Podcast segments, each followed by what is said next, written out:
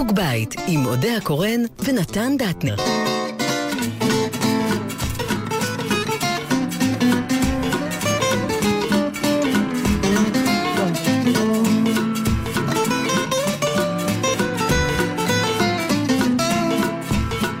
טוב, זהו, אנחנו כאן אה, שוב. אה, מי זה אנחנו? יודע קורא נתן דטנר, בחוג בית, שעה שתיים בצהריים, קצת אחרי, ואנחנו גם בשידור חי, לייב, בפייסבוק של גלי צה"ל. אתם מוזמנים כמובן לכתוב אה, שאלות אל האורחת שנמצאת איתנו היום. דוקטור ליאת יקיר. נכון, פחות בדוקטור אנחנו לא, לא מבינים. לא, כן, כן. נהיה לנו סטנדרט. דוקטור כן. למה? ביולוגיה, גנטיקה יותר, נכון? מולקולרית, זה היה הדוקטורט שלי במכון ויצמן, אה, ושיניתי כיוון אה, לביולוגיה של הרגשות, של האהבה בעיקר, אני מדברת על זה הרבה. אה, ו, ואני בעצם היום עוסקת הרבה בתקשורת המדע, בין שאר המיזמים עדיין בתחום הגנטיקה, אבל הפשן שלי זה להסביר וללמוד ולחקור את הבסיס להתנהגות שלנו, שזה בעצם הרגשות. את כל הרומנטיקה מתוך הדבר הזה שנקרא זוגיות או מערכות יחסים, כי אם אני קורא נכון עלייך, את פירטת, בגלל כנראה האפקט הביולוגי בחייך, את כל הפעולות שהן שווה ערך בעצם לסוג של הפרשת חומרים. כן, בעצם נכנסתי יותר לעומק, ולהבין אה, באמת את הבסיס לצורת ההתנהגות שלנו בזוגיות, כי אנחנו רואים, יש דברים אוניברסליים. אה, אה, גירושים זה אוניברסלי, זה גם לאט לאט יותר ויותר הולך. העובדה שההתאהבות פוחתת בין שש שעות, מחזיקה מעמד בין שש שעות לשלוש שנים. גם זה אוניברסלי. זאת אומרת, רגע, היא לא... רגע, בוא נעצור פה, הבנת את זה? אני לא כך הבנתי. מה זה הבנתי? אני יודעת את זה שנים כבר, אני יכולה לתת לך שמות, מבתוך השש שעות, מבתוך היומיים, מבתוך ה...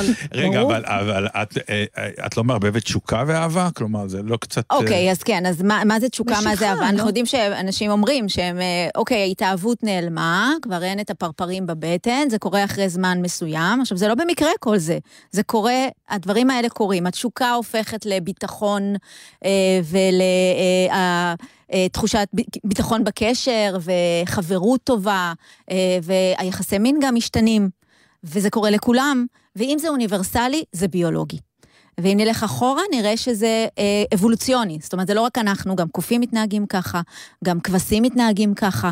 זאת אומרת, זה... הבסיס הזה... אז למה בכלל לתת עצות להתנהגות בזוגיות? אוקיי, כי באמת אנחנו, לעומת שאר בעלי החיים, אה, מסוגלים באמת להסתכל על, ה, על, ה, על הצורה שבה אנחנו חיים ורוצים לחיות. אז אומרת, ההתנהגות שלי יכולה לשנות גם את ההתנהלות לשנות, הכימית שלי? אוקיי, זהו, זה בדיוק או... השאלה. באמת, האם אנחנו יכולים לשנות את ההתנהגות, לשלוט, ב... לשלוט. בדבר הזה. אנחנו כל הזמן עושים את זה. זאת אומרת, עצם זה חמישה מיליון שנה עברו מאז שנפרדנו מהשימפנזים, בדיוק את זה עשינו. יצרנו חוקים, יצרנו נורמות, יצרנו חינוך. ילד רוצה משהו, הוא לא הולך וחוטף, כי לימדו אותו ואימנו אותו להפעיל את האונה המצחית, ולווסת את הרצון לקחת עכשיו משהו ששייך.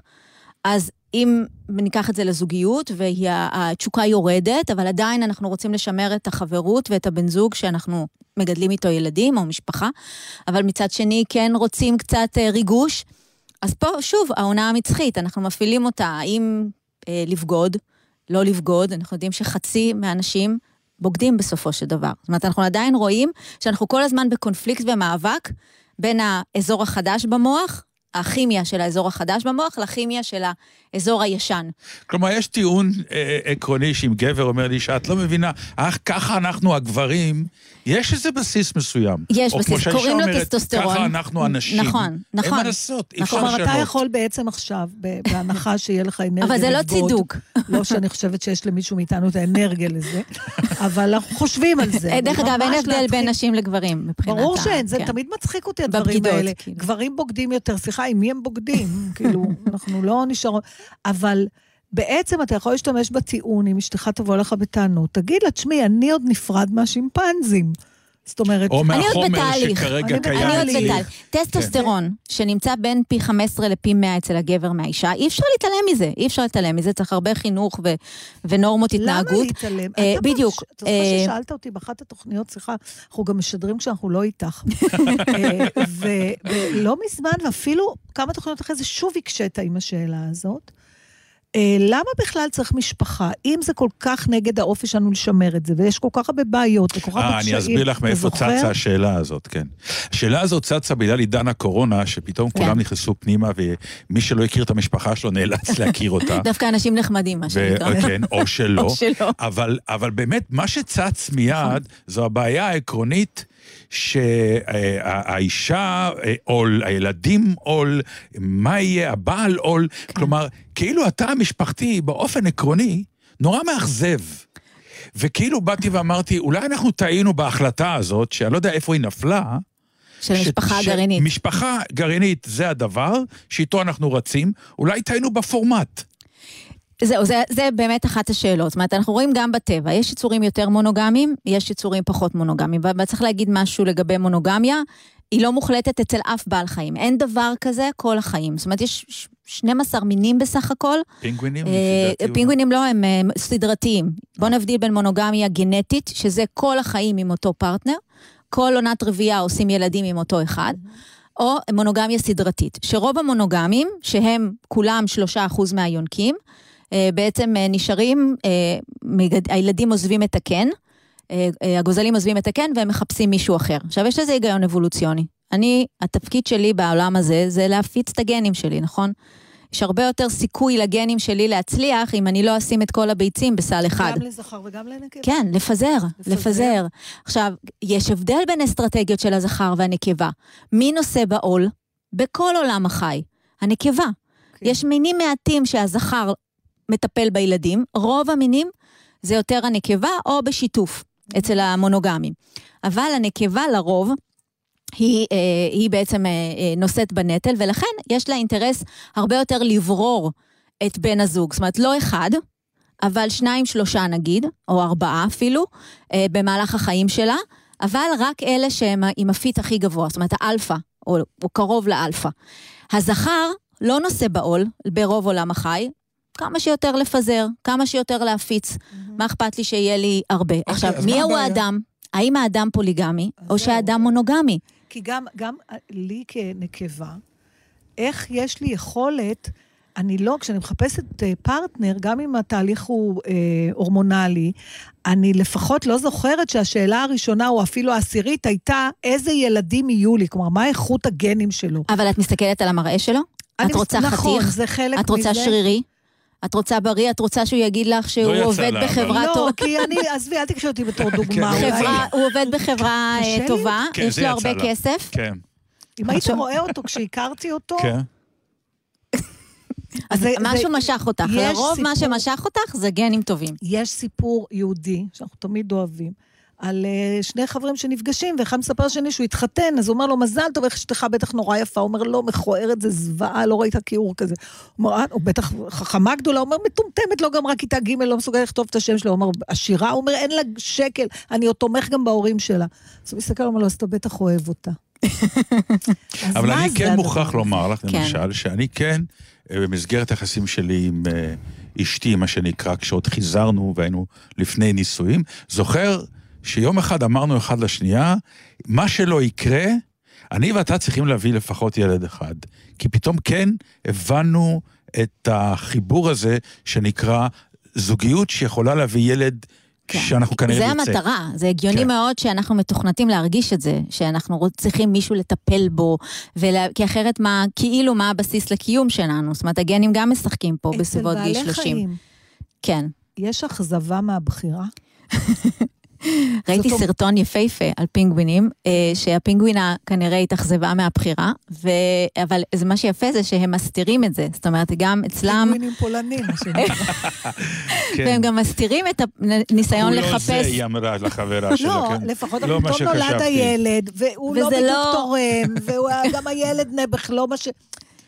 אוקיי, כן, אז... אז אה, לא, אז מה שקרה שם, אז היא באמת הזמינה מישהו אחר, בזמן שבעלה לא בבית, ו...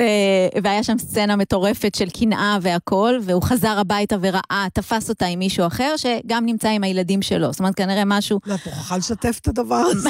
כן, לא, זה... יד, ענבל, מוכרחים לשים יד על הסרטון הזה. כן, אז זה ממש מדהים לראות את זה, ובסופו של דבר היה קרב בין שני הזכרים, האבא של הילדים והאבא החדש, והחדש זכה, ורואים את הבעל הישן בכאב לב, עוזב, כן. והולך חדש לחפש. מול, מול ישן. מול ישן. לאנשים שרואים אותך בפייסבוק, אה, הם ודאי מזהים, ולמי שלא, את בעצם היית בשלבים הראשונים של התוכנית חתונה נכון. ממבט ראשון. אה, בשלב השידוכים, בשלב כן. המצ'ינג, בשלב ה... כן, כלומר, את תרמת את חלקך מאיזה בחינה? פרמטרים ביולוגיים. זאת אומרת, התפקיד שלי היה... עשיתם להם בדיקות דם? כן, עשינו להם אה, בעיקרון בדיקות גנטיות, אבל הבדיקה הזאת, היא- התפקיד היחידי שלה הוא באמת אה, אה, לבדוק גנים של המערכת החיסונית, בגלל שאנחנו נמשכים מינית. כוונה בריח, כן. מרגישים את זה, לאנשים שהם שונים מאיתנו גנטית. זה מנגנון למנוע גילוי עריות ולערבב גנים. אנחנו לא מודעים לזה, אבל אנחנו מרגישים את זה. ריח של מישהו מסוים קצת דוחה, יכול לדחות אותנו, וריח של מישהו אחר מטריף את המוח. נכון. זה קשור לפרומונים ועוד חומרים שקשורים למערכת החיסונית. כל אחד יש את המערכת החיסונית שלו ושלה. אז הבדיקה הזאת נועדה בעצם לתת לנו איזשהו פרמטר שיגיד האם תהיה שם משיכה מינית. לא בהכרח זה היה נכון כמובן, זאת אומרת, הגנטיקה, המדע של זה הוא עדיין לא...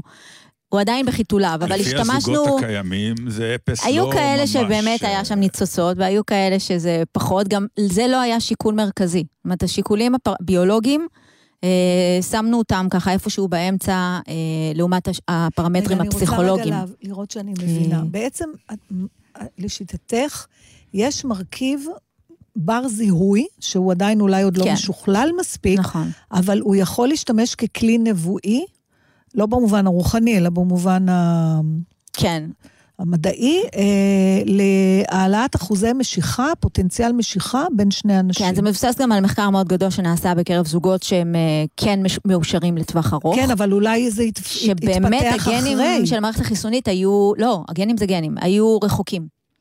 זאת אומרת, לקחו אה, קבוצה מאוד גדולה, כמה אלפים של זוגות, אה, בערך מעל עשר שנים ביחד, אה, מאושרים בזוגיות שלהם, אה, עם מיניות טובה, שזו אינדיקציה מאוד חשובה אחרי 10-20 שנה. ובאמת היה שם אהבת ריח, זאת אומרת, נעימות הריח הייתה גבוהה מאוד, וזה התבטא גם במרחק במערכת החיסונית.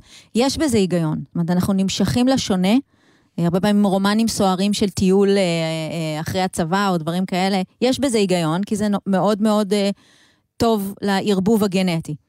אבל מסתבר שאנחנו רוצים את הרחוק, אך לא רחוק מדי. זאת אומרת, רחוק מאיתנו גנטית, אבל לא לגמרי אה, אה, שונה, אה, כנראה בגלל עוד, עוד פקטורים שמשפיעים.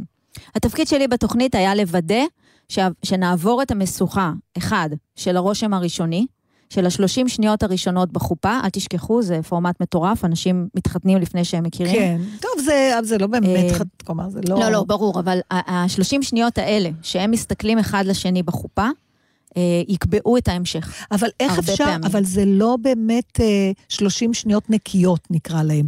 מיליון מצלמות, נכון, הסיטואציה ה-30 שניות מלחיצה. הנקיות זה אחרי שהם באים למלון, כן. ונשארים לבד, שם עדיין הם רואים ראינו את את זה, עצמם. ב- עדיין אני ראינו לא- את זה בחופה, אני לא אם ב- היה קליק, או שלא היה שום דבר. זאת אומרת, אבל רואים היה, את זה. היה קליק ולמחרת היה כן. אסון. אז לי התפקיד הוא עד הקליק. אה, באמת? זה התפקיד שלי, משם רגע, סליחה, בתור מי. שרוא- שלא רואה את זה באופן קבוע, אני יכול- אני אז, אז מאוד תכף, רואה. רגע, תעשו לי קצת סדר. בבקשה. ליאת היא גם אחר כך ה... לא. לא, את לא לא, הפסיכולוגית אני לא המלווה. פסיכולוגית. אוקיי. ל- לכל אחד יש טיפוסים בראש שמושכים אותנו יותר.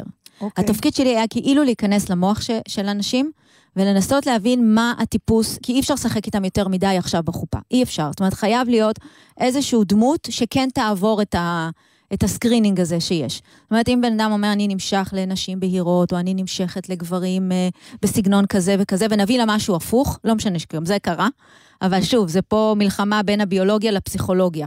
האם הפסיכולוגיה, האם נגיד לבן אדם, טוב, זה לא בדיוק הבן אדם שאתה בדרך כלל נמשך או נמשכת אליו, אבל בגלל סיבות 1, 2, 3 של אישיות, של אה, דרך פתרון בעיות, של אה, היסטוריה, מוצא, אה, שכר, מעמד כן. סוציו-אקונומי, הרבה מאוד סיבות, כן, אתם כן מתאימים. אבל אני לא מבינה את השאלה הזאת. אני תמיד אומרת שהביולוגיה מנצחת. אבל איזה שאלה, זאת שאלה שאתה יכול לענות עליה?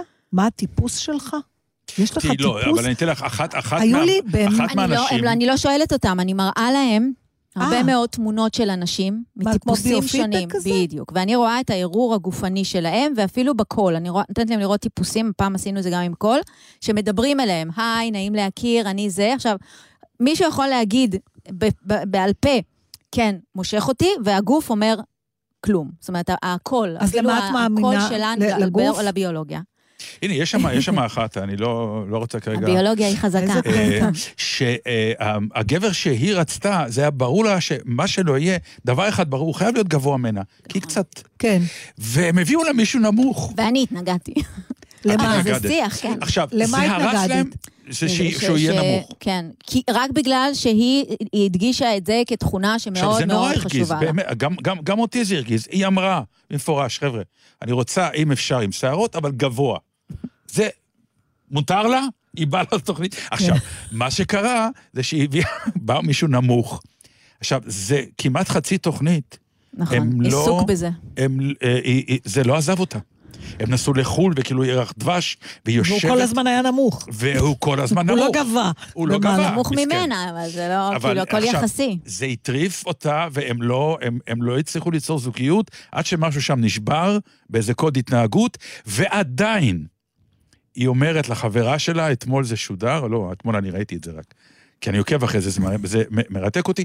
היא אמרה לחברה שלה ב- בשיחה, היא אמרה, תשמעי, הוא מדהים, הוא נהדר, יש אפילו אינטימיות, אבל כשהמצלמות ילכו והכול, הוא יהיה הוא נמוך. יואו, אז, אז. אז, אז אני רוצה... זה בדיוק המחלוקת והמריבה של כל התוכנית הזאת, באמת, בין הביולוגיה? לפסיכולוגיה. אני אומרת, במרכאות לריב, אבל כן. בין המחלוקת הזאת, האם האדם הוא יצור רציונלי? האם האדם, את אומרת לה, זה לא קשור אם הוא גבוה, הוא נמוך ממך. כן, אבל אני רוצה להגיד על זה משהו. אני, בעודנו מדברים, אני סוקרת את, אה, את אה, שורת הגברים בחיי.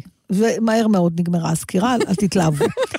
אבל אה, אם אני צריכה, קודם כל אני מתחברת, היה לי אחד שהתאהבתי בו בגלל הריח שלו. הוא שקל איזה 200 קילו, אתה מכיר את הסיפור הזה? זאת אומרת, הוא לא היה גבר, אם ישאלו אותי מה הטיפוס שלך, אני לא אגיד מישהו ששוקל. הוא היה אוביס, היה לו אבל ריח אפשר להתאהב שהטריף רק אותי. בגלל וואו, ריח. רגע, וואו. והיה לי גבר שהתאהבתי בו תשוקה, בגלל. בגלל הקול שלו. זה התחיל משיחת טלפון.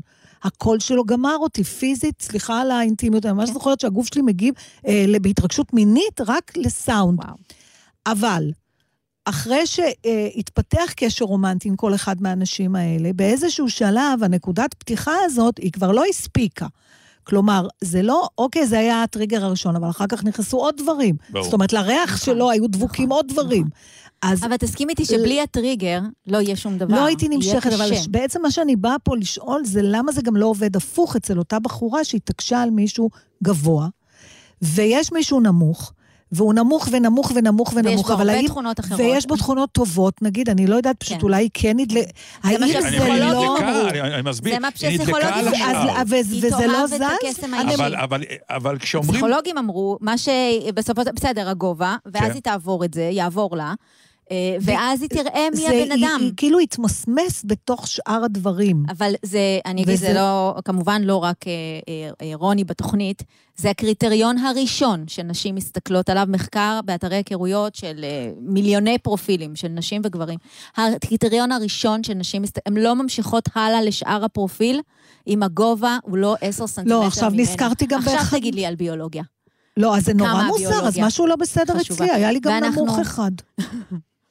היה לי גם נמוך אבל אחד. היה, עובדה שאיננו. אבל לא, לא בחרתי אותו, בסדר, לא, זה על לא- אנחנו לא בחרתי לא- אותו לפי פרופיל, את מדברת על בחירה לפי קריטריונים נכון, קרובים. כי באמת ה-. העולם הזה הדיגיטלי באמת מחזיר אותנו אחורה אבולוציונית, ובאמת עושה עוול להרבה מאוד אנשים. ברור, כי אנחנו מדברים כי- פה על אה, גברים נמוכים וגבוהים. ב- בדיוק. זאת אומרת, אה, אה, גם אה, משקל גוף. גברים כן. אה, מסתכלים קודם כל על קריטריון של משקל גוף. אבל אם הוא יפגוש אישה, אישה ואז הם לא מלאה, יעברו הלאה. אם הוא יפ- נכון, בגלל זה הדיגיטלי אה, באמת הרג אותנו, ובאמת העצים, היום יש ניתוחים, הרבה יותר ניתוחים מאי פעם אה, בהיסטוריה האנושית כמובן.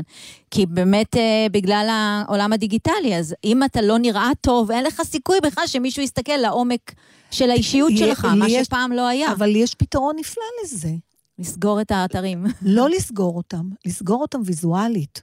לא לראות תמונה, לשמוע קול, לראות אה, פרטים. לא, עשו על זה מלא שעשועונים אה, של כן, אה, הוא והיא, בגלל זה אנשים והוא. באים אלינו כן. גם לתוכנית. בדיוק. כי הם רוצים שאנחנו נעשה בדיוק. את ה... אה, כי מי שמגיע לבחור. לתוכנית זה כאילו אנשים שכבר עברו הרבה פעמים מערכות יחסים, ואיכשהו זה לא נתפס. כלומר, זה לא אנשים שיש להם איזושהי בעיה בזוגיות, נקודה. אלא יש להם בעיה שמשהו שם תקוע ואין אין כאילו אופק, הם תמיד לא מצליחים לממש את, או ה, בוררים את מאוד הזוגיות. מהר. או, בוררים את ה... כן, אני, מאוד אבל מהר, אני, כן. אני במעט שראיתי, בהתרשמות המאוד שטחית שלי, רוב הבעיות זה של האנשים האלה מול עצמם. הם כאילו משליכים את זה על הבן אדם השני, נכון. אבל אתה רואה שזה משהו שלהם עם עצמם? אתה זה מבין אחד מה אני הדברים, אומרת? באמת זה אנחנו נורא עוברים בול... הרבה, כל אחד בא עם חבילה. אה, זהו. וזה הקושי, זה אחד הקשיים המרכזיים. בגלל זה התוכנית, אה, אם אני מסתכלת על האבולוציה של התוכנית, היא בעיניי אה, ניסוי חברתי, זאת אומרת, יפה לראות, לראות, ואני חושבת שגם הרבה מהזוגות עוברים שם תהליך, הרבה מהאנשים שם עוברים שם תהליך מאוד מאוד עוצמתי. אז האם זאת... הפסיכולוגיה, זאת אומרת, תפסה כן. יותר ויותר מקום, לא הפסיכולוגיה של הבחירה, אלא הפסיכולוגיה של הליווי. של התהליך. אז של האם זו הליווי. טעות, ואולי כן. גם אבולוציונית, בגלל אה, פקיעת אה, המועד שאנחנו יכולות ללדת נשים, אולי זו טעות להיכנס לזוגיות בגיל מאוחר. זה, זאת שאלה, זאת אומרת, כן. העולם, אנחנו הולכים לשם. זאת אומרת, מגיש, משנות ה-90, הגרף של הגיל הנישואים של נשים פשוט קפץ ככה. נכון. מ-22, 20, 22 ל-28 עד 30 במדינות שונות. זה מהפכה. זה מהפכה במבנים חברתיים, זה שינוי של מבנים חברתיים, זה נקרא מהפכת הקטיפה, כי הרבה פעמים דברים שקורים לנשים הם בשקט, בשקט, בשקט, משנים את החברה. כי אישה בת 28 מסתכלת על העולם אחרת, בוחרת אחרת, חושבת אחרת, אה, גם אבל מתנהלת אז אחרת. הסיכוי שלה להקשיב לביולוגיה הולך ויורד, כי היא באה כבר עם מה פסיכולוגיה יותר מורכבת. שקרה גם שאני גם ראיתי אולי. בתוכנית ובכלל, זאת אומרת, ההנחה הייתה שנשים בגילאי 35, 38, מסתכלת גם על עצמי, זאת אומרת, אה, אה, יגידו לעצמם, אוקיי, אני באמת רוצה כבר להתחתן ולהביא ילדים, אולי אני, בואו נקרא לזה להתפשר. לא, קצת, קצת להתפשר ממה שהייתי בת 28. ומה שקרה, הפוך. אם חיכיתי עד עכשיו, למה עכשיו נראה לך להת- שאני אתפשר. לא, אני, זאת אומרת, וזה בעיקרון מבחינה אבולוציונית, המניות ירדו. אנחנו, אין מה לעשות, אנחנו פחות, פחות בשוק כרגע, פחות שוות, כביכול, מבחינת, אה, מבחינה אבולוציונית, אין מה לעשות. אני חושבת שהדבר הזה נוצר, עוד פעם, אני לא לא פחות שוות, זה מומחית. לא מילה טובה כן, להגיד, זה אבל לא, כאילו- ניסיתי אה, למצוא המניה, לך המניה. פתרון, אבל כן. הכוונה היא כן. אנחנו מדברים עכשיו. רק עם על הקטע האבולוציוני חלילה, כן. והמדיד הזה, הביולוגי, אבל יכול להיות ש... תראי, אני חושבת שהבעיה היא...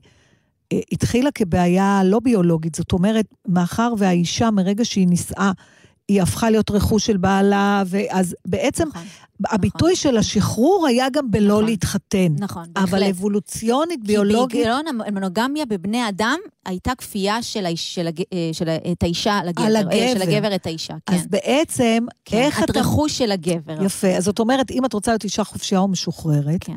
אז את לא יכולה... אנחנו רוצים עכשיו מונוגמיה שוויונית יותר. מונוגמיה לא בתנאי אנחנו כפייה. רוצים מצד אחד לא לציית. לצווים השימפנזים ההם, ומצד שני להישאר עם, הנטו, עם, עם החופש שלנו.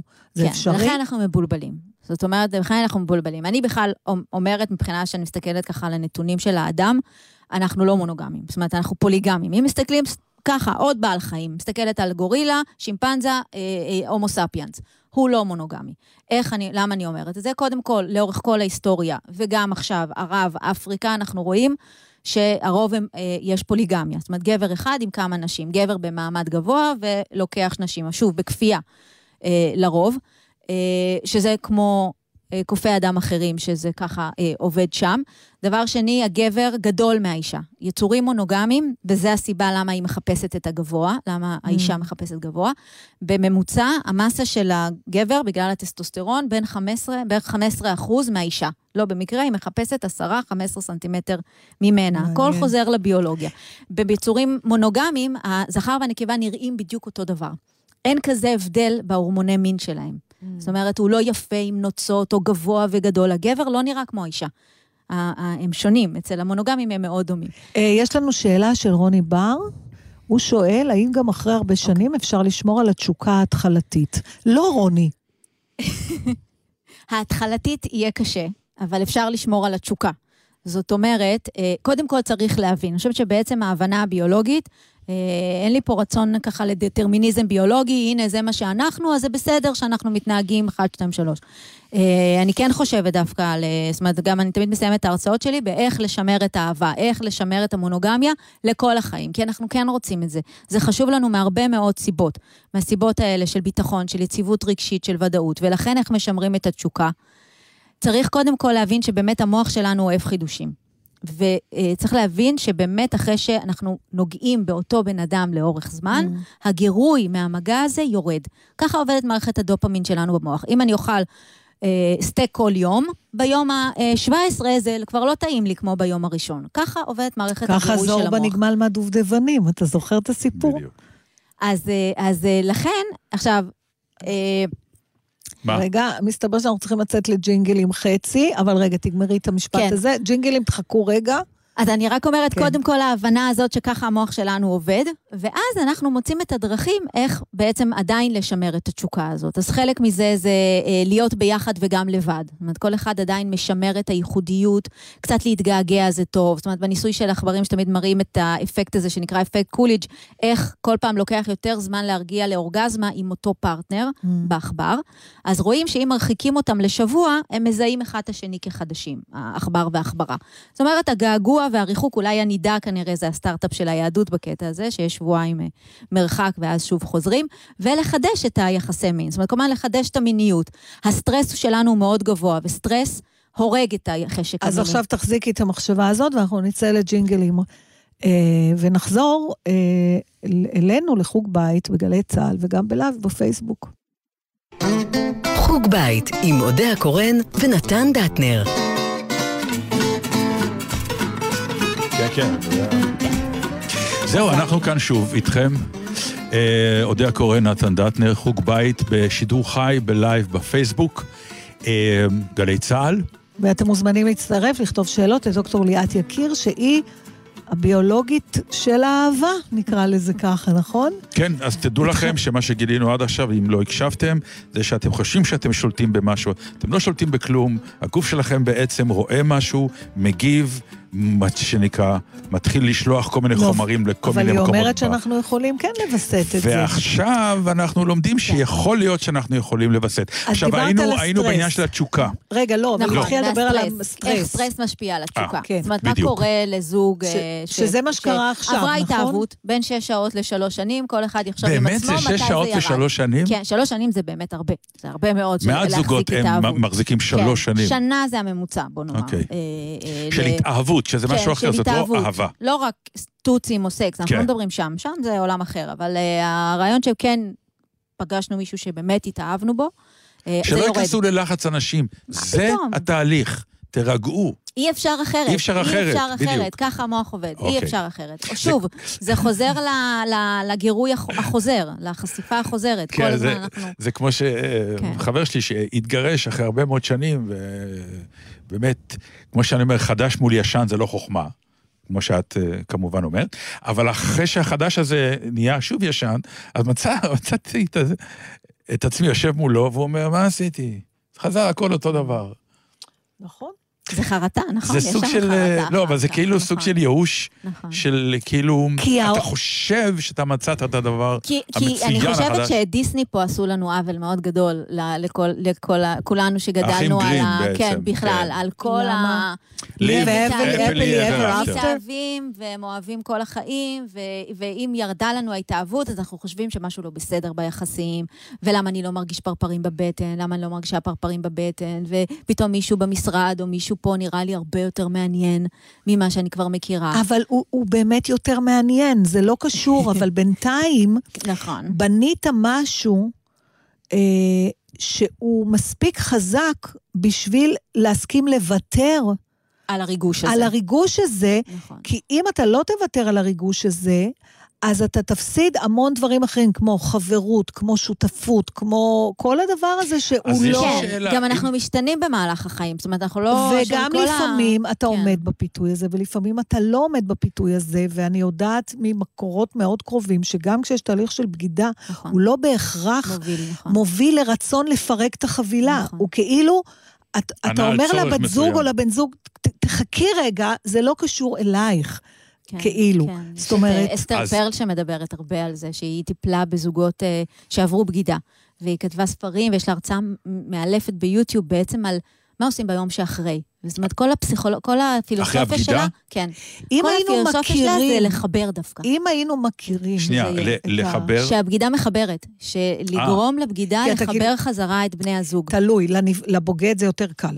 כן, כי הוא... כן, אבל לא, מערכת יחסים משתנה. אם הדבר לעשות, הזה אבל, אה, היה מובנה בנו באיזשהו אופן, כמו שהמונוגמיה הוטמעה בנו. הדבר הזה, שאתה יכול במהלך השנים שאתה עם אותו בן זוג, לה- להקשיב לקול הקדום הזה, וללכת להקשיב לו לכמה שזה ייקח, ולחזור חזרה, שזה בסדר, בלי המילה בגידה, לא, המילה כן, בגידה זהו, כבר כבר מגדירה מ- את זה. כן, מייצרת. זאת ואז אומרת, זה אף- זה הבעיה היא משבר שוויוני. האמון גם. בגלל זה אנשים מחפשים כל מיני אלטרנטיבות. אה, דברים מאוד פרחו בתקופות האחרונות, בעידן האחרון של חילופי זוגות, וכל מיני אמצעים זה וכל באמת מיני פריחה? צורות. אני לא יודעת... יחסית למה שהיה אה, בשנות פוליאמוריים, ה-50, כל ה- כל או. פוליאמוריה, בכלל השיח על פוליאמוריה הוא מאוד מאוד רחב, האם צריך לאהוב בן אדם אחד לכל החיים. עכשיו, אני אומרת, אנחנו כאילו יצאנו מהמונוגמיה הכפויה, ואנחנו עוד לא מצאנו מבנה חדש, אז אנחנו כאילו קצת עכשיו הולכים לאיבוד, טוב, בואו ננסה את זה. טוב, בעצם אנחנו אנחנו... קצת באיזה סופרמרקט של הצעות, אולי רגע. אנחנו נעלה על משהו. אז יש לי שאלה... אבל עדיין אנשים כן. לא מאושרים מספיק. זאת אומרת, אז כנראה... הנה, אז אפרופו אושר. בגלל זה אני אומרת, אני מאמינה במונוגמיה. אני רק אומרת, צריך לעשות אותה מדעית. מה זאת אומרת? קודם כל, לבחור את הבן זוג, שיש סיכוי גבוה, אולי זה לא יהיה התאהבות ש... של ניצוצות, כי הרבה פעמים הניצוצות האלה, הם יהיו בטווח של השש שעות. ככל שהניצוצות יותר גדולים. אה, אז אולי באמת זה לא בן אדם שמתאהבים בו, אין דבר כזה גם אהבה ממבט ראשון, צריך אוקסיטוצין, זה החומר שממנו עשויה אהבה, והוא נוצר רק במגע וחיבוק, ושהולכים להופעה ושומעים מוזיקה, הוא לא נוצר ממבט ראשון, אין דבר כזה. אז לתת אה, צ'אנס קודם כל לאנשים, לא, לא לפסול כל כך הרבה אנשים על ההתחלה בגלל סיבות אה, ביולוגיות אבולוציוניות, ולחפש בן אדם שלא משלים אותנו, אלא דומה לנו כמה שיותר. זאת אומרת, לא שונה מאיתנו, כי אותן תכונות, למשל, שאהבנו, כי זה שונה ממני, אני מופנמת והוא מוחצן, אה, אני אה, אה, נוירוטית קצת, או לא יציבה כל כך רגשית, והוא כמו פלס. אותן תכונות אחר כך ישגעו אותנו. למה הוא לא מבין אותי? למה הוא לא זה? אותן תכונות שהתאהבתי בהן, יגרמו לזה שאני לא אוכל אחרי חמש שנים, שש שנים שההתאהבות תרד. אז לעשות את כל התהליך הזה כבר מראש, זאת אומרת, לתכנן מראש בעצם אה, את התהליך שיקרה עם אותו אדם. אבל את מבינה את האבסורד, הפעם נכון, צחקנו בעצם. על זה. כשאתה הולך לבחור ספה, אתה במצב הורמונלי הרבה יותר מאוזן. משאתה מחליט לבנות את חייך עם בן אדם אחר. כי רוב ההחלטות להתחתן קורות בהתאהבות הזאת, הפסיכית. מי בכלל מסתכל על שיקולים כן, כאלה? נכון, לא, נכון. ההתאהב, אה, החתונה היא כבר היא בשלב לא היותר מאוחר. מדברת על... אה, אצלי היא- ואצלך היא הייתה מאוחר, לא, אבל באופן אני... עקרוני, זוג מחליט להתחתן, אה, אחרי שנגמרו לו השש שעות האלה של הזיקוקים, הוא חי ביחד, הוא מבין שזו שותפות טובה לחיים, אה, ואני לא מציע לך. ניסוי. כן, אבל בדיוק כשירדה באמת לא ההתאהבות, אז אנשים באמת בדיוק אז אה, אמורים להחליט להתחתן, זה גם אה, אז קושי. למה, אם זה כל כך ביולוגי, כן. למה אין לזה כדורים? אה, כלומר, אם אני אמור, אה, יש לי צורך בגלל ש... נכון, אז מתחילים לדבר על כדורים. אני לא אוהבת את העולם הזה, כי אנחנו באמת לא יודעים בדיוק עד, עד הסוף מה זה עושה למוח, מה זה עושה זה. אני חושבת שהפסיכיאטריה? של כדורים אנחנו עוד לא שם. לחומרים האלה שאנחנו של זקוקים להם. אוקסיטוצין למשל. למשל, נגיד בדיוק. ירד לי הורמון אהבה, אז אני אתן שפריצים לפני ב- ה... זה. זה כמו בחלום לקיץ, איך שתיקח את זה, בדיוק תבוא לך אחת שהדבר האחרון שאתה רוצה זה לא, זה תישאר. מחבר לא, אותך אחד- למי שאתה מחובר אליו כבר. למי אה, שאתה מחובר. הבנתי. למי שאתה מחובר אליו. זאת אומרת, כן. זה מגביר את הבונדינג, את ה-attachment. תראו, אז את אומרת זה שאין... ההורמון שמייצר את הלידה? והנקה נכון, ומפורש שיקוי באורגזמה. אהבה, כן, זה דבר שהוא נמצא במיתולוגיות מאוד נכון. מאוד קדומות. נכון. זאת אומרת שהערגה של מפה. המין Mhm. האנושי נכון. לדבר הזה, למשהו חיצוני, לאיזה חומר, שיחבר אותנו. כן. שיחבר אותך, שיגרום לך להתאהב במישהו, הוא עתיק יומין. כן. עכשיו, אז אני אומרת, אז אנחנו מבינים שהאהבה היא, היא, היא, היא יכולה להיות ארעית, או היא באמת רגש שיכול לחלוף. ואנחנו כן רוצים לשמר את ה bonding וה attachment והביטחון שיש לנו בזוגיות הזאת, כי לא טוב להיות לבד. בדידות עושה נזק לגוף שלנו כמו 15 סיגריות ליום. אוקיי, אז אנשים עכשיו... לא רוצים להיות ש- בודדים. ענבל גזית, שהיא כן. מאזינה קבועה, שואלת, האם יש השפעה לבילוי זמן ממושך בהסגר בקורונה, למשל, עם בן או בת הזוג אוקיי. על הביולוגיה של הקשר? שאלה מצוינת, השאלה מה עושים בזמן הממושך הזה. עכשיו, אנחנו בסטרס. גם בזמן רגיל אנחנו בסטרס, עבודה, ילדים, מטלות, הכל, ובקורונה בכלל. יש פה חוסר ודאות, אין לנו יכולת לשלוט במצב, שינוי במצב בריאותי, אה, שינוי במצב כלכלי, זה בעצם כל גורמי הסטרס הכי חזקים. שינוי okay. אוקיי. צפוי ומהיר, לא ציפינו, פתאום ביום אחד השתנה לנו החיים. זה כל תגובת הסטרס שלנו במוח מופעלת. ושוב, ביולוגיה, אי אפשר לשלוט בזה. זה כמו שהזברה רואה לביאה, וכל הגוף שלה נכנס, אה, בעצם מופעלת תגובת הסטרס. ומה קורה בתגובת הסטרס? בעצם אה, קורטיזול, זאת אומרת, המוח שלנו קולט את האיום. ומתרחשת אה, רצף תהליכים שמור בצורה בלתי רגילה מהלטאה ועד אליי, אותו דבר, לא השתנה בכלום. יותר את הכליה להפריש את הורמוני הסטרס, שזה קורטיזול ואדרנלין. עכשיו, מה הם עושים? הם גורמים קודם כל לכל הגוף שלנו להיות מוכנים לצרה, fight or flight, כי זה מה שקורה בטבע, או שצריך לברוח, מה, או, ועוד אפשרות שלישית זה פריז, לקפוא במקום. להעמיד פני מת. אז יש אנשים שבאמת שונים אחד מהשני, גם הורמוני המין משחקים פה תפקיד. האם אה, מישהו אחד יותר מגיב באגרסיה, נהיה תוקפן? לכולם. אה, או מישהו אחר מתכנסת או מתכנס בתוך עצמו. מישהו אחר, יש עוד אופציה חוץ מ friend, fight, flight ו freeze, יש גם tend and befriend, לנסות להיות נחמדים. לנסות אה, לחפש את האהבה, לחפש את, הקש, את הקשר למשפחה. את אומרת לנסות למשפחה. כי אנחנו צריכים להתאמץ על זה? לא, אז אני אומרת, אוקיי, אה, זה בחירה... כן, זה, זה בעצם כל אחד, אה, כל אחד מאיתנו, התגובת סטרס שלו היא טיפה שונה. אומרת, אה, אנחנו אה, יכולים להגיב בכל הדרכים האלה, או לברוח, להתעלם מהבעיה, היא לא קיימת, אה, או להתעסק בה כל היום. דווקא זה מרגיע אותנו, שאנחנו קוראים על זה כל היום, מתעסקים בזה כל היום, מדברים על זה כל היום, זה מרגיע, כי דיבור הוא בעצם גם תרפיה, זאת אומרת, הוא מאבד את הטראומה.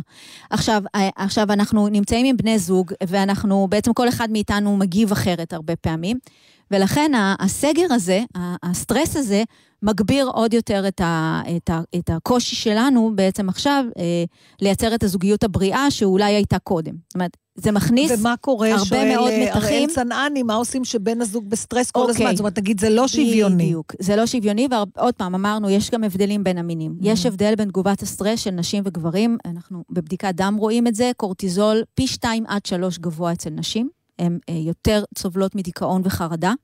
אה, מאשר גברים, וגברים הרבה פעמים סובלים יותר מדיכאון סמוי. הם פחות מראים את זה, יותר מכניסים את זה פנימה. אה, יש מחקרים שמראים גבר מדבר 7,000 מילים ביום בממוצע, ואישה מדברת 21,000 מילים ביום בממוצע. זה תגובת סטרס. כשרע לי, אני מרימה טלפון, אתה יודע, את שומעת מה היה לי, מה היה לי, מה היה לי. וגבר פחות יעשה את זה, עוד פעם, יש שוני בין אנשים בממוצע. עכשיו, מה עושים עכשיו ששנינו ביחד עם סטרס וכל אחד מגיב אחרת? זה בדיוק העניין שקורה, שעלול לקרות עכשיו. מיש, אה, אה, אחד מבני הזוג מאוד היסטרי, והשני אדיש בצורה מעצבנת, בוא נאמר. זאת אומרת, ממש לוקח את זה לקיצון, כי אה, בסטרס גבוה יש הקצנה של ההתנהגות הטבעית שלנו, אז אנחנו עוד יותר אבל אה, איפה בהקצנה. הדבר הזה צריך שאתה להבין חושב- את זה, אני רק אומרת שיש בעיה באמפתיה, כשאנחנו בסטרס קשה לנו להרגיש אמפתיה. אמפתיה זה אומר להיכנס לנעליים שלך ולהבין שאת רואה את העולם אחרת ממני. ביולוגיה, גנטיקה, אפיקה, גנט, אפי-גנטיקה, איך שגידלו אותך, איזה בית גדלת, איזה בית אני גדלתי. אנחנו שני אנשים עכשיו שמנהלים זוגיות, יש לנו ילדים, כל אחד מאיתנו מגיב אחרת לסיטואציה. ודווקא כשאנחנו צריכים את האמפתיה הזאת, של להבין שאת עכשיו זקוקה למשהו אחר, או את רואה את הדר... את. משהו אחר מרגיע אותך מאשר מה ש... אותי מרגיע לא לשמוע לסגור את הטלוויזיה. אותך מרגיע לראות ו... וכל הזמן להיות בעניינים. אותך מרגיע שהילדים סגורים בבית. אה, אתה יודע מה שני מרגיע? לצאת שנייה החוצה, לנשום אוויר. קודם כל ההבנה שאנחנו שונים. ולקבל את זה, ולדבר על זה, מה יעזור לך להרגיש יותר בטוחה. מה יעזור לך להרגיש יותר בטוח, ולא לכפות על הצד השני, כי זה הנטייה שלנו, זה נקרא הטיית העצמי. איך את לא כמוני? למה את לא מבינה שהילדים הולכים למות עכשיו? כאילו, שכולנו נמות. אה, וההבנה הזאת, קודם כל, אני חושבת שהיא... אה, בוא ו- נעבור ל... רק כן. אני אגיד דבר אחרון, אוקיי. סטרס גומר את החשק המיני. אז גם על זה צריך ביולוגית, להבין. כימית? ביולוגית, כימית, כימית, כי בעיקרון עכשיו, אם fight or flight, מה עכשיו תתעסקי בבן זוג? לא. אז לא להתעסק יהיה. בייבי בום? אבל- אז זהו, זה מה, מצד אבל אחד. זה לא שחרור של מתח? אז זהו, אז אנשים הולכים לשתי, קצ... בסוף זה קצוות. משתחרר, אבל איך מתחילים? אנשים הולכים לשתי קצוות. חלק באמת מתכנסים ולא בא להם, וחלק דווקא הפוך. רוצים את המגע, רוצים את הקרבה, רוצים להירגע. כי אה, בעצם אנחנו צריכים את האוקסיטוצין להרגיע את הקורטיזול. צריך את הורמון האהבה כדי להוריד את הורמון הסטרס. אז אני אומרת, מי שזה בא לו טבעי וזקוק ליותר מגע, אשרה, אשריהו, כי זה באמת אה, יקל עלינו את המצב, ומי שזה לא בא טבעי, אז fake it till you make it, מה שנקרא. כי צריך אורגזמות, כאילו, בזמן אז הסגר... סליחה, אבל אורגזמות, עם כל הכבוד, לא צריכות להיות תלויות בהכרח בפרטנר. נכון, נכון, נכון. זה בשחרור, נכון, את יודעת, כשלעצמו. נכון, נכון, נכון, 21 בחודש, זה מה שצריך, לבד, אתה ביחד. רושם? 21? 21 בחודש, איך כן. הגענו בשביל למספר אפשר הזה? ביחד סירוב. 21? כל אחד שכך, ככה אתה... אתה- אבל איך- איך הגעת ל-21? אה, קודם כל, הסרוטונין, הדופמין, זה מה שטוב. אין, אנחנו יצור שמתרבה, זה מה שטוב כן. לנו, זה מה שעושה לנו טוב, אבל מה שהמספר הגיע ממחקר על סרטן הרמונית בגברים. אז המספר הזה נכון יותר לגברים, אבל אה, ניקח אותו גם לנשים. אה, שאצל הגבר, בכל רגע נתון, יש באיבר המין 360 מיליון תאי זרע מוכנים לשיגור. ככה ברא אותנו, אם הם עד- לא עד- יוצאים... עד גיל מסוים או לנצח? לנצח. Mm. אה, הכמות יורדת, האיכות יורדת, אבל אה, ככה זה אה, כן. קיים. ואם זה לא יוצא תוך שלושה ימים, זה חוזר לצ- לצינור הזרע ולבלוטת ההרמונית. שם. זה נספג לרקמות ויכול לגרום לדלקת, זה לא מצב טוב. לכן Mm. כל שלושה ימים בעצם הגוף, גם בעצמו, המוח מתחיל לחשוב מחשבות על מין. גבר חושב על מין בין פי שלוש לפי חמש מיום מאשר אישה, בגלל הצורך צורך להזרים לפרוק את את זה. הזרע החוצה. בדיוק, אז המספר שהגיעו אליו זה 21 אורגזמות בחודש, טוב לבריאות. אז בואי נדבר רגע עכשיו, אם כך, מה את אומרת על שידוכים? את בעד או אה, נגד? האמת, כן. מהש- אם אני מסכמת אה, שלוש שנים אה, ככה בתוכנית הזאת, שהגעתי אליה ככה, בלי לדעת הרבה על, ה, על מה, ש- מה שיקרה לי ומה שיקרה ב- לאנשים כמובן. כן, כן וכן. זאת אומרת, שידוכים מודרניים, אני קוראת לזה, שידוכים מדעיים מודרניים. אה, עם, עם הכבוד גם לשידוכים של פעם והחרדים, ואני חושבת שהם עושים עבודה נפלאה לקהילה שלהם. יש לנו בעיה ל- אה, לקבל החלטות אה, כשיש הרבה אפשרויות. יש לנו בעיה כזאת, ואנחנו לרוב, נלך. למוח זה. הפומו. ואנחנו לרוב נלך למוח הישן, למוח הקדום. כמו שאני בוחרת קוטג' לפי הקוטג' שאכלתי בבית. למרות שיש מלא קוטג' ומלא גבינות, מלא דברים, אבל טעים, זה מוכר, זה אימא קנתה לי. אז גם כאן, כשיש הרבה אפשרויות, אנחנו הולכים למוח הישן, והמוח הישן לא טוב פה. המוח הישן הולך על גובה, המוח הישן הולך על אה, חתיך לא חתיך, המוח הישן הולך על צעירה או מבוגרת, הורס לנו את החיים. ולכן אנחנו צריכים מישהו שיעזור לנו. ייתן לנו לא בחירה אחת בחתונה, זה כאילו, זה מתאים לטלוויזיה, אלא כמה אופציות. ולא לשבת מול אתרים ולגלול אלפי פרופילים ומחכים עוד כמה הודעות ועוד כמה הודעות של אה, פייק, ולכי עכשיו תבחני בכלל מי זה. להבין שבהחלטה הזאתי אה, כל הביולוגיה פועלת, כי פה הגנים משחקים, הם רוצים להחליט לאן הם הולכים. אז קשה לנו להחליט החלטה רציונלית. זאת אומרת, אה, בבחירת פלאפון, הביולוגיה שלי פחות מתערבת. אבל זה עדיין חלק זוג- מהידיעה, שגם כשאת רואה משהו שמוצא חן בעינייך, אולי יש משהו יותר טוב. נכון. זה ה... בדיוק. ולכן אני חושבת שכן השידוכים המדעיים האלה, שאני מקווה שיהיו, שגם בשילוב טכנולוגיה, במובן הטוב, לא במובן של להציף בן אדם, לגרום לו להצפה קוגניטיבית, אלא במובן של לקחת את כל הנתונים, הרי יש את הקיימברידג' אנליטיקה, שיודעים מכמה לייקים כן. עשית בפייסבוק, לדעת אה, הרבה מאוד אה, אה, נתוני אישיות עלייך, בלי לשאול אה, שאלות. אז כן הייתי נותנת את הביג דאטה שלי, ת, ת, ת, תעשו לי ניתוח מקיף מי אני ומה אני, ו, ובאמת תס, ת, תמצאו לי היום, בעידן הזה, שיכולים לעשות, אה, להגיע לירח ולעשות דברים מדהימים, את המאץ' המוחלט. את המאץ' המוחלט. אני אקח. אבל השאלה יש לי לסיום, האם לא, המאץ' המוחלט הזה רגע. יכול לנבא שזוגיות במשבר כמו קורונה תחזיק? כי כשהכול טוב, אולי זה סבבה. אז עזבי, אה, כן, כלומר... בסדר, אז הם יודעים איך את פותרת משברים, איך את אה, מתנהגת אוקיי, בזמן. סטרס, ויביאו לך מישהו שפחות פחות או יותר אותו דבר, לא אפילו בדיוק אותו דבר. אז סליחה על השאלה, זה כמעט לקראת סיום, זה בחיים האישיים עזר לך? כל הידע הזה? הידע הזה מאוד עזר לי, באמת? מאוד עזר לי. תסבירי. קודם כל, יש לי זוגיות מדהימה עכשיו, ואני גרושה פעמיים. אפרופו- גרשתי פעמיים, זה... כל המחקר? שלי על כל זה התחיל מזה. שאני קרה לי שוב. אה, אה, הבחירות שלי לא היו, לא היו מותאמות. זאת אומרת, בחרתי מגובה, בחרתי גם מכל מיני דברים אחרים לא רלוונטיים אחר כך למי שהפכתי להיות. אה, ואני חושבת שחשבתי, גם בן הזוג חשב שזה לא הוגן, שמה, מה, בגלל שהתחתנו צריך להישאר, לא, אפשר אה, להיפרד. אה, ובאמת, ככה הייתי בחיפוש אחר מי אני ומה אני צריך, מה טוב לי. והייתי גם מוכנה לחיות לבד, כאילו, זאת אומרת, אנחנו אף פעם לא לבד, הרי אנחנו מוקפים בחברים ומוקפים בזה, גידלתי שני ילדים לבד, הכל ללא- בסדר. ללא בן זוג. ללא בן זוג, לא חשבתי שזה אוקיי. גם, גם אפשר, זאת אומרת, היום אנחנו לא לבד, אף פעם. אה, אה, אה, מה, אז עשית לו ואז- בדיקות? אז עבדתי על עצמי. זאת אומרת, הפעלתי לעצמי את האונה המצחית. אוקיי. If you're not with the one you love, love the one you're with. כבר אמרו את זה, מי זה לא, החיפושיות? לא, זה ובחרתי, לא, כן, לא, אבל זה לא- בחרתי, כאילו, מהסיבה, לא- באמת, אה, אני יכולה להגיד שזה כאילו אני בבן. ואין דבר יותר טוב מזה להגיד בעצם לבן זוג. כי זה בעצם להיות עם עצמך.